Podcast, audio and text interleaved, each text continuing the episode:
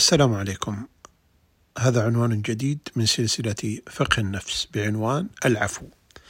قال عمر بن الخطاب رضي الله عنه أفضل العفو عند القدرة وأفضل القصد عند الجدة.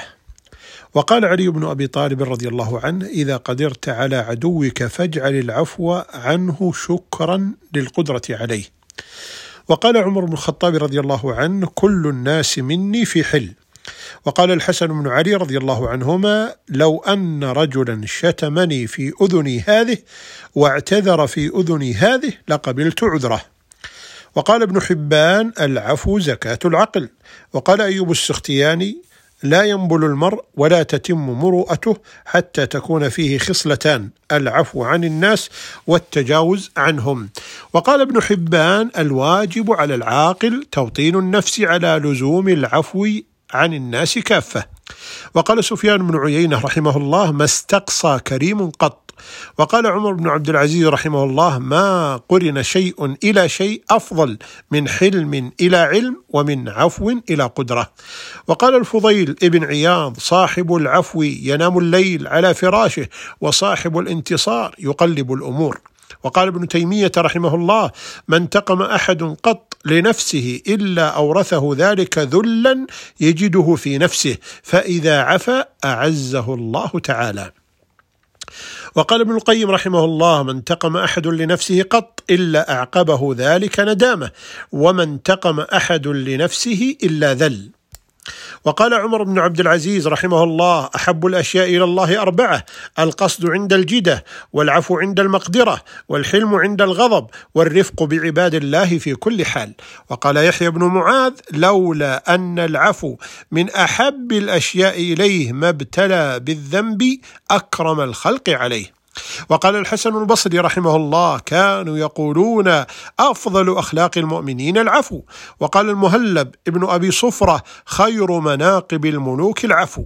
وقال ابن عبد البر كان يقال أولى الناس بالعفو أقدرهم على على العقوبة وأنقص الناس عقلا من ظلم من هو دونه.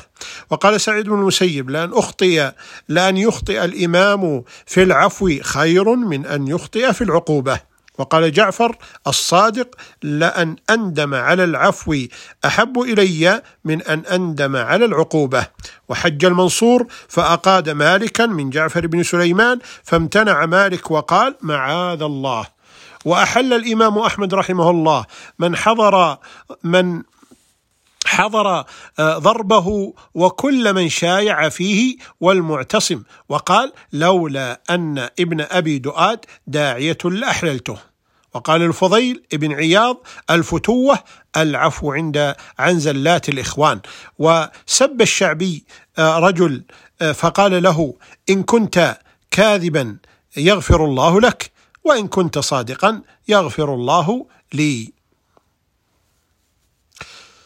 وقال الفضيل ابن عياض إذا أتاك رجل يشكو إليك رجلا فقل يا أخي اعف عنه فإن العفو أقرب للتقوى. فإن قال لا يحتمل قلبي العفو ولكن أنتصر كما أمرني الله عز وجل قل فإن كنت تحسن تنتصر مثلا بمثل وإلا فارجع إلى باب العفو فإنه باب فإنه باب أوسع. وقال الإمام أحمد لتلميذه مهنئا لما سأله فقال رجل ظلمني وتعدى علي ووقع في شيء آه، عند السلطان. أعين عليه عند السلطان. قال أحمد لا بل اشفع فيه إن قدرت. وقال ابن المعتز ما عفى عن الذنب من قرع به يعني عير به. قال الشاعر لا تنتقم إن كنت ذا قدرة فالعفو من ذي قدرة أصلح. واصفح إذا أذنب خل عسى تلقى إذا أذنبت من يصفح. اللهم اجعلنا ممن يعفو يا رب العالمين. ألقاكم على خير في حلقة قادمة بإذن الله. جل وعلا. أستودعكم الله.